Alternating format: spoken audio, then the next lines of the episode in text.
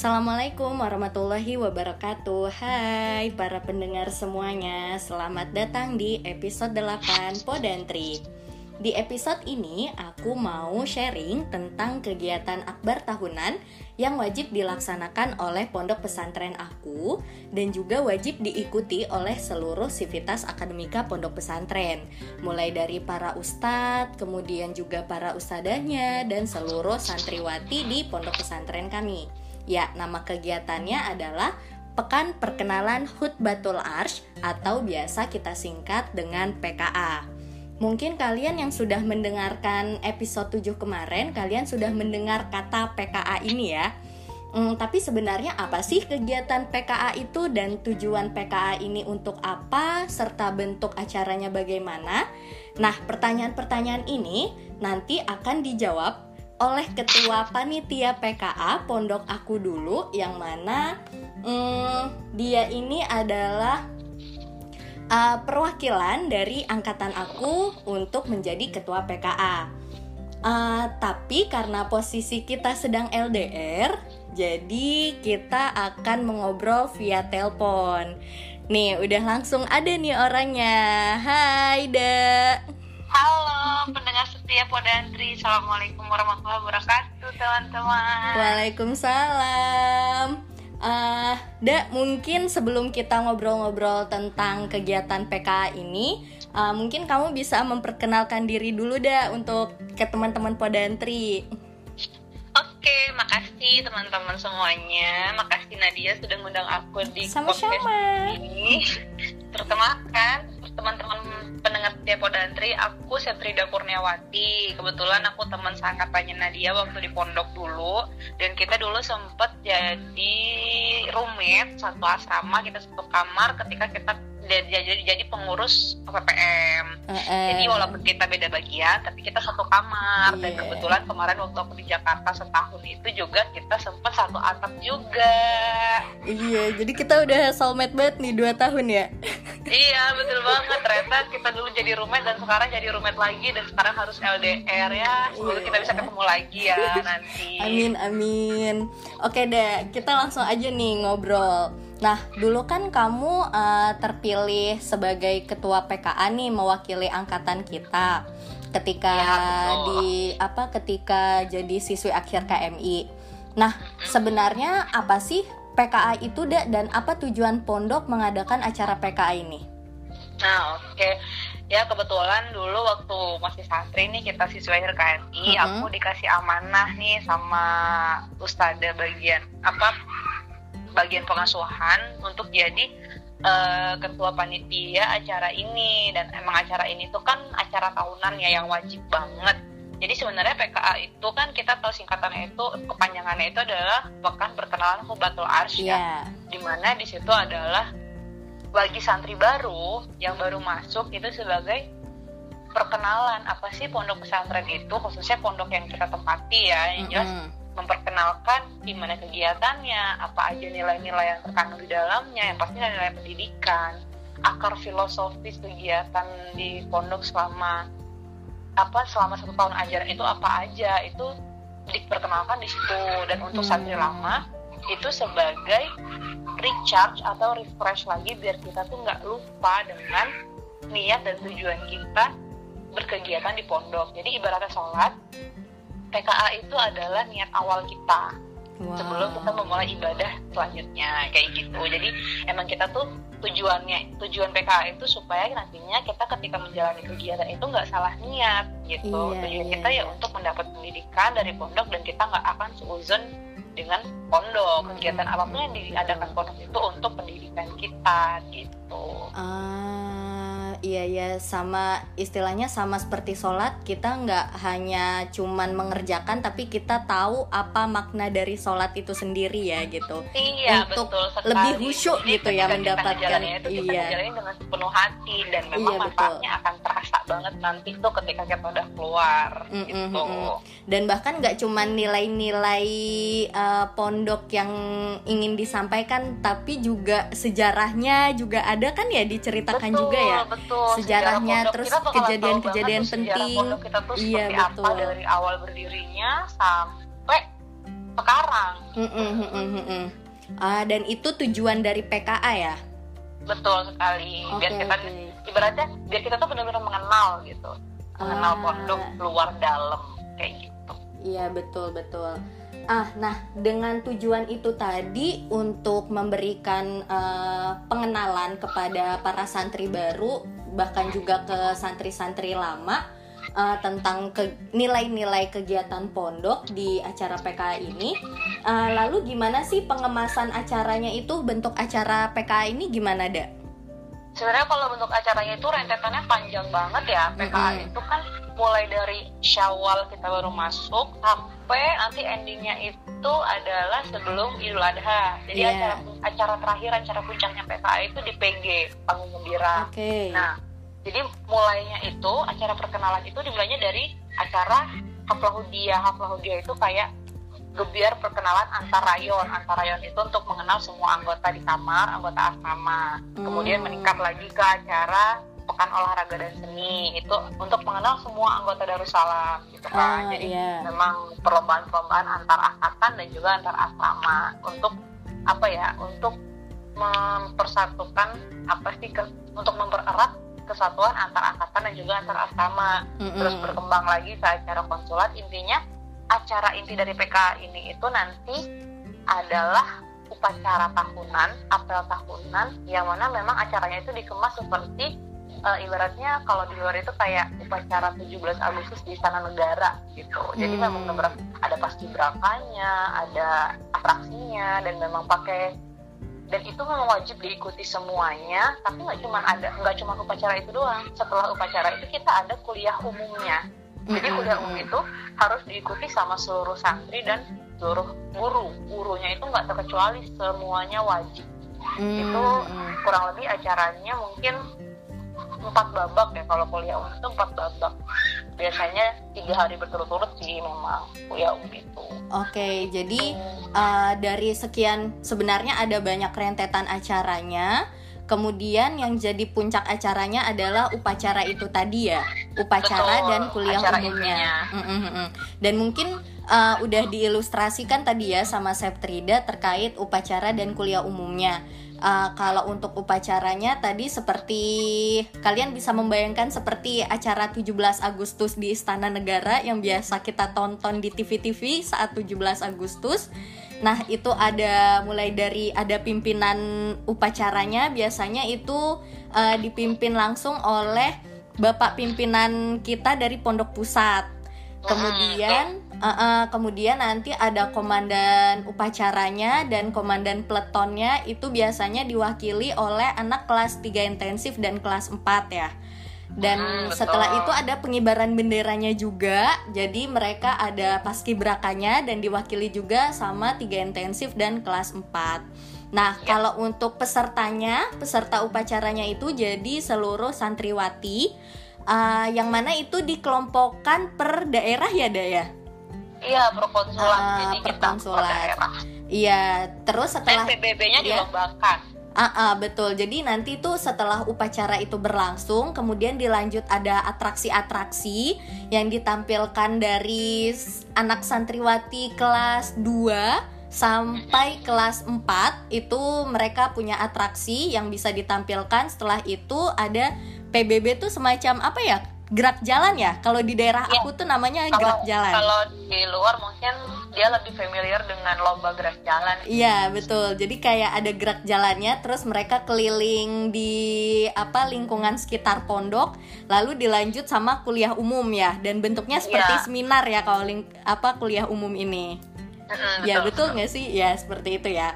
Nah uh, mungkin itu ilustrasi dari upacara dan kuliah umumnya sekarang uh, pertanyaannya, berapa lama dak kamu mempersiapkan acara ini dak? Kalau persiapan acaranya mulai dihitung mulai dari pembentukan panitia sampai puncak acara itu kurang mm -hmm. lebih tiga bulan ya, karena pembentukan mm -hmm. panitia itu dimulai benar-benar dari akhir uh, akhir Ramadan mm -hmm. itu sudah ditunjuk ketuanya, kemudian susun menyusun formasi divisi-divisi, mm -hmm. setelah itu baru pelantikannya ketika awal syawal itu setelah itu baru mulai latihan-latihan. Seleksi-seleksi buat atraksi buat paskibra buat komandan peleton buat pemimpin apa buat komandan upacara. Bahkan untuk yang uh, tim inti dari mulai apa master of ceremony terus juga dan lain-lainnya lah ya dirijen itu tuh juga ada. Kurang lebih tiga bulan Oh oke okay. tiga bulan ya betul dan yang paling aku suka di acara PKA ini karena kita tuh jadi ajang mengadu bakat dan potensi nggak sih untuk para santriwati betul. di kalangan kelas 2 sampai kelas 4 gitu dan apa ya kalau untuk pemilihan penyeleksiannya karena kan yang paling bergengsi itu kan di komandan peleton terus komandan komandan peleton kan bawahnya komandan upacara ya komandan upacara ya, kan yang satu ya komandan upacara uh -uh. itu kan yang memimpin di tengah komandan ya, itu yang di pos-posnya itu. Uh, uh, kemudian itu kan kayak jadi apa ya uh, seleksi yang paling bergengsi nih sebagai komandan peleton, kemudian paskibraka. Nah itu gimana penyeleksiannya, Dak? Kalau seleksinya sih itu ketika yang pasti kita memilih pelatihnya dulu ya. Kalau mm -hmm. pelatihnya itu diseleksi oleh ustadz langsung, oleh bapak uh. pengasuh, bapak direktur. Dan itu pasti yang mantan komandan peleton juga ya dulunya uh, ada sih mungkin sebagian yang iya tapi mayoritas iya sih memang karena yang sudah dapat ilmunya tapi ada juga yang memang backgroundnya nggak juga gitu oh. cuman dirasa dia punya potensi oh, gitu okay. uh, uh. dan untuk seleksi anak-anaknya mm -hmm. itu memang dimulai ya pastinya dari seluruh angkatan kelas tiga intensif dan kelas 4 yeah. karena kenapa kelas tiga intensif dan kelas 4 karena itu kan kita tuh kayak itu tuh pendidikan kepemimpinan dan organisasi sih lebih tepatnya karena hmm. dianggapnya mereka itu kan uh, anggota yang paling tinggi dan dirasa sudah punya rasa kepemimpinan yang cukup ah, gitu. Oh gitu. Okay. Makanya untuk paskibraka dan juga komandan peleton itu khusus mm -hmm. kelas 3 nasi dan kelas 4 gitu. Ah, dan ah, ah. biasanya itu kan bareng sama seleksi uh, itu kan ketika seleksi itu kadang-kadang ada anak yang nggak ikut nih kontingen. Karena dulu aku juga mengalami nih ya. Mm-hmm. waktu seleksi itu aku lagi kontingen kontingen L, apa LPJ lomba perkemahan gitu ha -ha. nah itu kita nanti ada seleksinya lagi. Jadi memang seleksi itu tuh wajib banget bagi kelas 3 nasi dan kelas 4 bahkan kita yang sebelumnya nggak ikut seleksi di awal itu kita diseleksi sendiri ketika itu.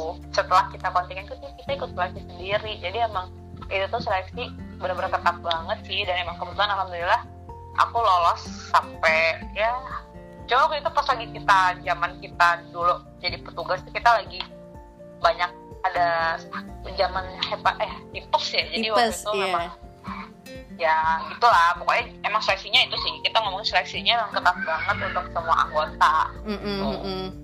Dan sebenarnya si Ida ini terpilih jadi komandan peleton, tapi Hamin sekian akhirnya kamu gugur ya, Da? Hamin satu, guys. Gugurnya itu iya. karena sakit loh. Iya, karena tipes jadi, ya. Ketika udah mulai kita kan sebelum acara hari-hari itu kita dikumpulkan di satu tempat nih. Mm -hmm. Jadi kita di karantina malam itu di kita yeah. nutrisi, mm -hmm. terus kita pakai masker segala macam itu ketika perpindahan itu aku nggak bisa jalan. Jadi sampai dijemput ke kamar hmm, ke asrama hmm, sama pelatihnya.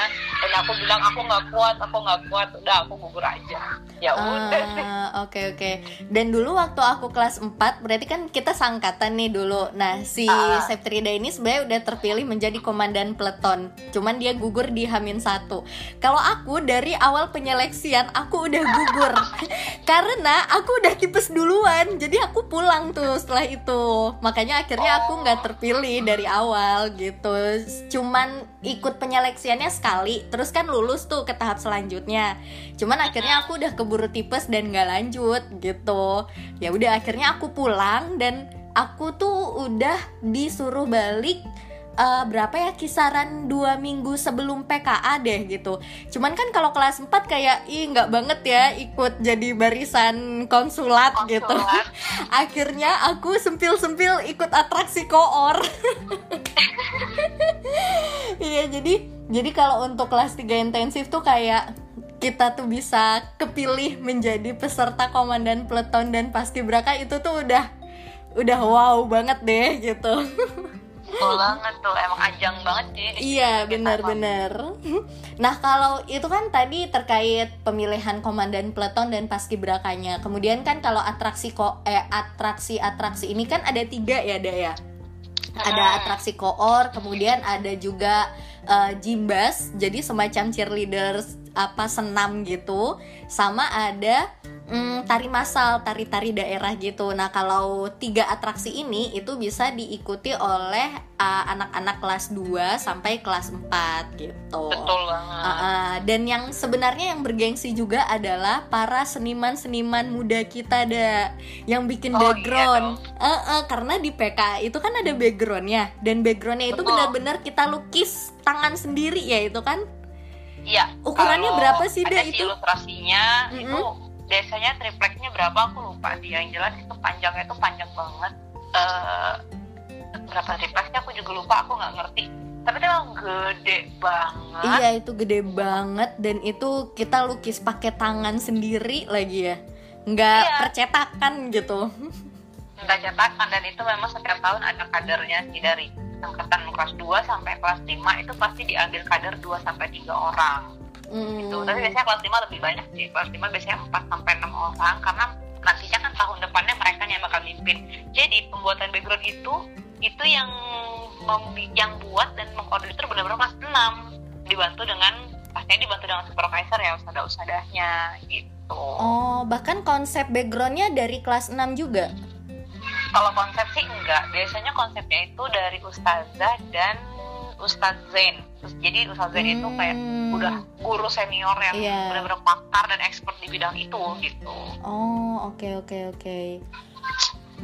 iya jadi Iya jadi uh, istilahnya yang dibutuhkan selain uh, apa anak-anak seni, kemudian anak-anak tari, ada juga anak-anak apa ya komandan peleton paskibra, terus ada juga pemilihan dirijen nah, ya kan iya, itu untuk kuliah umum, kuliah umum.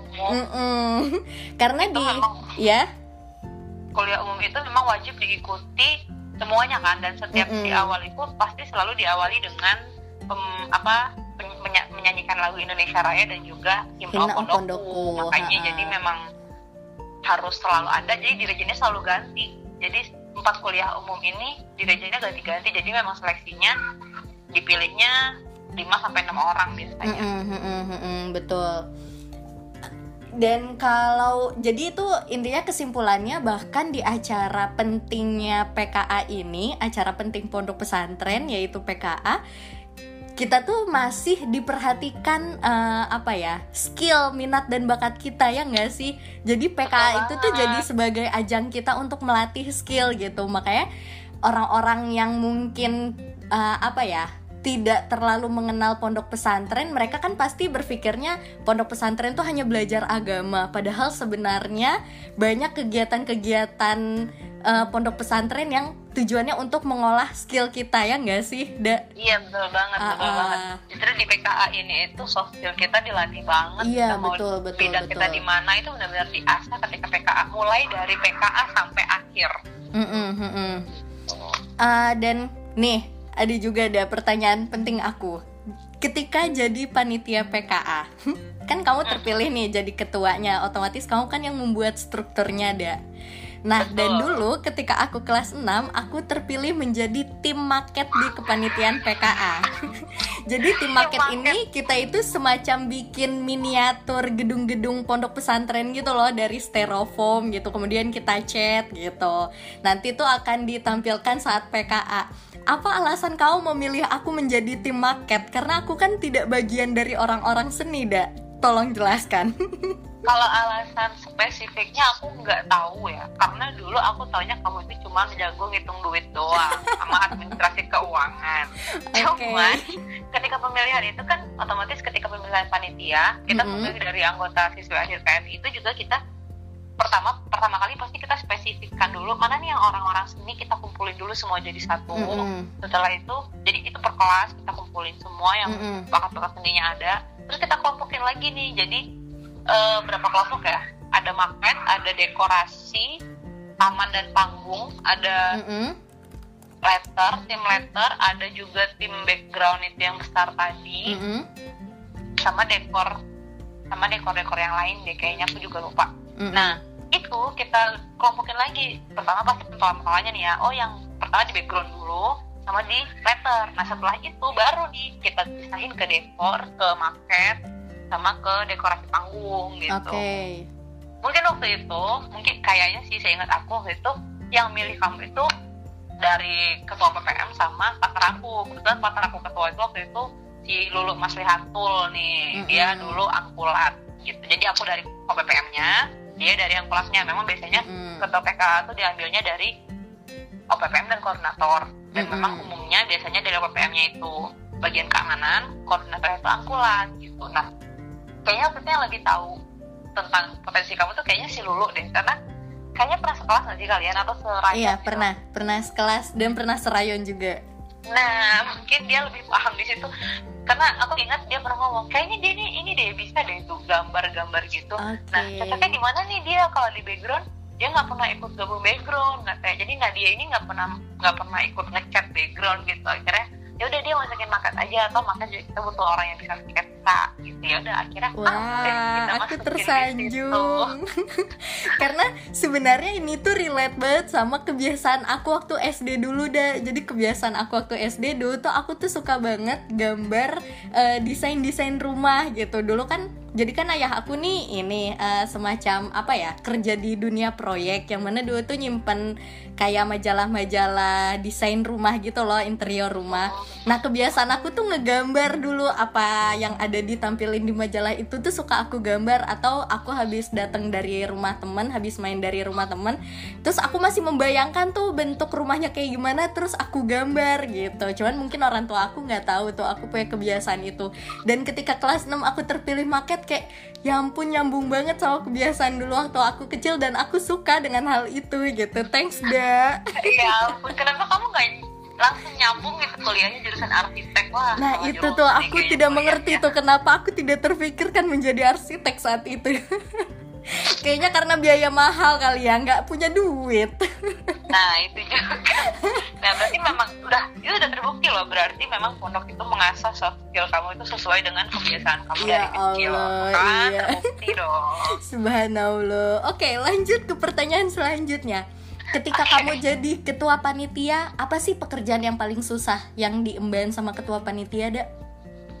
pekerjaan yang paling susah sebenarnya mm -hmm. semua pekerjaan ketua itu susah ya lebih susahnya itu di tanggung jawab sih karena mm -hmm. aku tipe orang yang kalau dikasih suatu amanah aku tuh kalau nggak pol-polan ya, itu aku ngerasa bersalah banget mm -hmm. gitu jadi uh. aku bagi aku yang paling berat itu di ngemban amanahnya itu tanggung jawabnya gitu mm -hmm. karena PKA itu bisa diilustrasikan gimana kualitas angkatan itu gitu yeah. angkatan kelas enamnya mm -hmm. KMI-nya gitu kan nah di situ benar-benar jadi yang paling susah itu ketika itu controlling karena di situ aku harus membagi waktu belajar aku di bagian PPM bagian panitia bulan Syawal ketika itu karena masih masa panitia bulan Syawal mm -hmm. habis itu uh, apalagi ya sama kegiatan aku sehari-hari individu sama panitiaan ini gitu kan. Jadi emang ngebagi waktunya emang agak sulit kontrolingnya tapi akhirnya waktu itu aku di apa ya kayak dilatih di situ tuh aku kayak dilatih untuk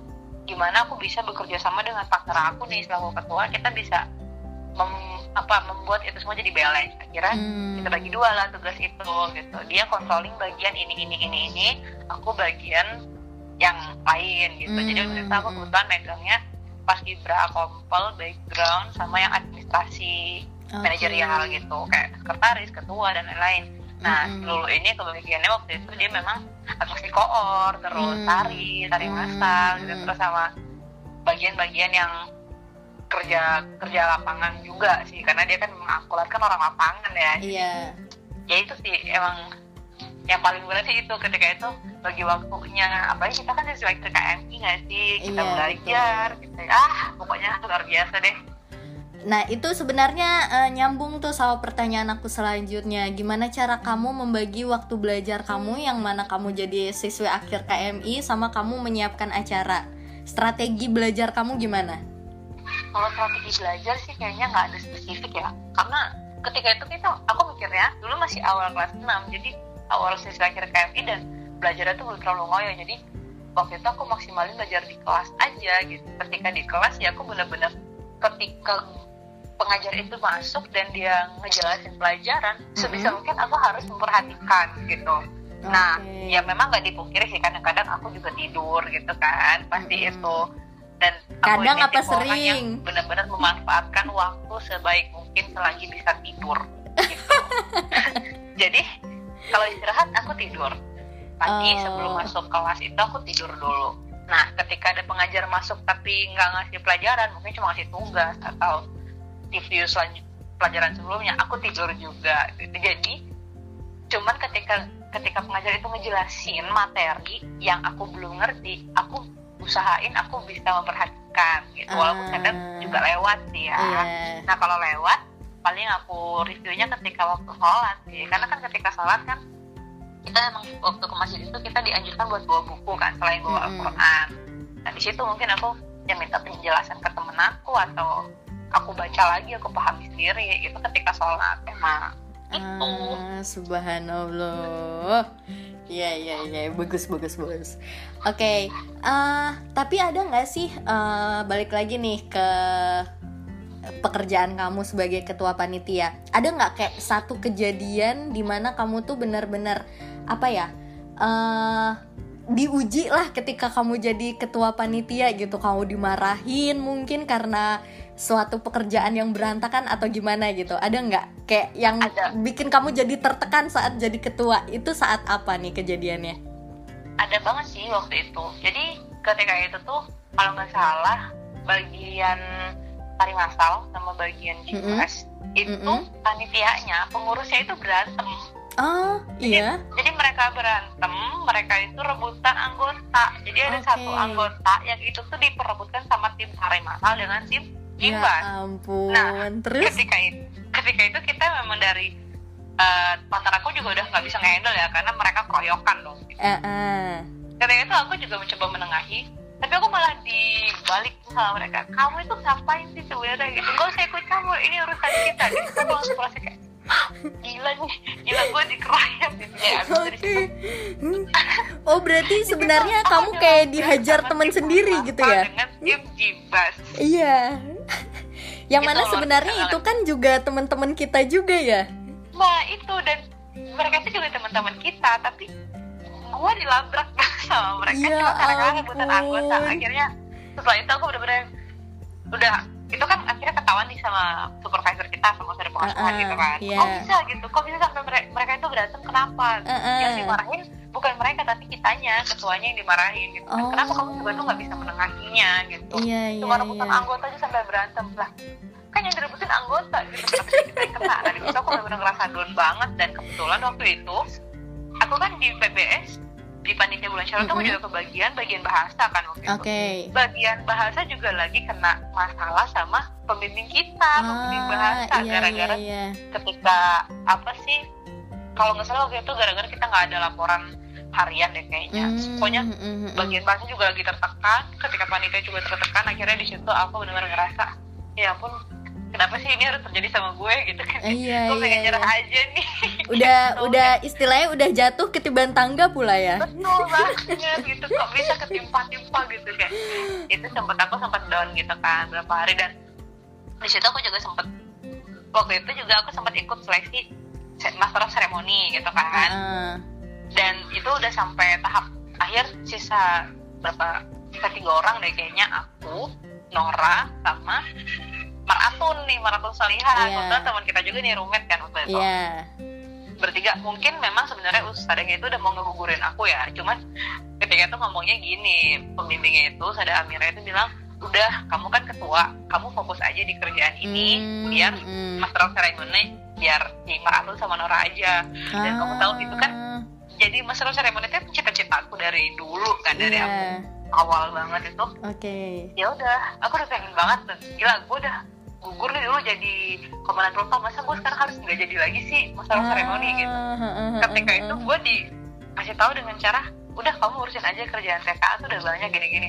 Di situ aku benar-benar merasa kenapa sih gue harus jadi ketua PKA kalau gue ketua kan gue bisa dijadi MC gitu ya jadi itu juga sih benar-benar masa di mana aku yeah, yeah. pengen banget jadi ketua itu hmm, karena itu tapi tetap pasti ada hikmahnya lah ya ada banyak Betul. pelajarannya Oke oke, ya uh, mungkin kita cukupkan dulu kali ya deh obrolan kita uh, tentang kegiatan PK ini. Oh iya boleh boleh. Iya makasih banyak loh ya udah ya. sharing pengalamannya menjadi ketua PKA dan gimana sih ngurusin PKA itu gitu. Uh, tapi ada oh. pesan yang ingin kamu sampaikan deh untuk para pendengar Podantri di episode ini? Oke, episode kali ini kan kita ngebahas tentang kepanitiaan yang pasti relate hmm. dengan organisasi ya. Jadi yeah. teman-teman pendengar Podantri semuanya, aku hmm. ini aja sih maksudnya ketika kita ini ya khususnya untuk anak-anak yang baru mau masuk pondok ataupun yang yeah. ya siapa pun juga yang masuk berkecimpung dalam organisasi kita jangan pernah mikir di tempat kita sekarang itu kita nggak berarti apa-apa gitu mm -mm. cuman gimana caranya kita tuh bisa memanfaatkan itu dengan baik karena apa pun yang kita kerjakan ketika kita berorganisasi itu pastilah ada manfaatnya nanti entah itu dari segi kepemimpinan atau melatih kita untuk bertanggung jawab atas amanah yang diberikan dan juga mm -hmm. gimana kita bisa memanage anggota itu. Yang pasti ya yang paling berat itu untuk memanage anggota sih ketika kita jadi ketua kan. Iya. Yeah. nah dan pasti itu manfaatnya akan kerasa banget nanti ketika kita sudah keluar dari organisasi tersebut atau nanti ketika kita berkecimpung langsung di masyarakat di dunia kerja dan lain-lain soft skill itu benar-benar dibutuhkan dan di, ke, paling dikedepankan daripada academic skill. Hmm, gitu. iya iya ih mantep banget lah nasehatnya. Oke dah makasih banyak ya udah sharing pengalamannya. Moga episode-episode selanjutnya kita bisa ngobrolin lagi deh. Pokoknya kita harus bisa mengajak sebanyak mungkin generasi muda kita untuk masuk pondok pesantren. Ayo ayo nyantri nyantri nyantri. Jadi santri itu bisa berkelana ke mana-mana loh iya betul Oke, dah makasih banyak ya, Dek. Sama-sama. Makasih juga ya udah diundang. Iya, dadah. Assalamualaikum. Waalaikumsalam warahmatullahi wabarakatuh. Iya, itu tadi obrolan kita tentang salah satu acara penting yang diselenggarakan di pondok pesantren kita. Nah, buat adik-adik yang punya rencana untuk masuk pondok pesantren, uh, mungkin nasihat dari aku adalah kalau kalian memang ingin masuk pos, uh, masuk pondok pesantren masuklah kalian secara lahir dan batin. Nggak hanya raga tapi hati kalian juga benar-benar masuk. Jadi kalian masuk secara totalitas. Uh, pahami sejarah pondok pesantren visi misinya dan nilai-nilai yang dibangun oleh pondok pesantren untuk para santrinya agar kalian bisa terus mengharumkan nama pondok pesantren Hmm, itu juga yang salah satu jadi penyesalan aku karena dulu aku masuk uh, setengah-setengah nih ke pondok pesantren. Jadi kayak cuman raga aku tapi hati aku enggak gitu. Jadinya ya ya bisa dilihat lah aku belum menghasilkan apa-apa setelah menjadi alumni. Dan ini jangan diikuti ya teman-teman Oke, mungkin cukup sekian uh, podcast kali ini. Tapi sebelum aku menutup podcast hari ini, uh, ada baiknya untuk para alumni kita dengarkan kembali uh, himne pondok pesantren kita dulu. Hmm, mungkin untuk refleksi diri, uh, udah sejauh mana sih kita melangkah dan udah sejauh mana kita tuh bermanfaat untuk orang-orang sekitar kita. Karena kita tahu kalau sebaik-baik manusia adalah yang paling bermanfaat untuk orang lain. Ya selamat mendengarkan dan wassalamualaikum warahmatullahi wabarakatuh. Bye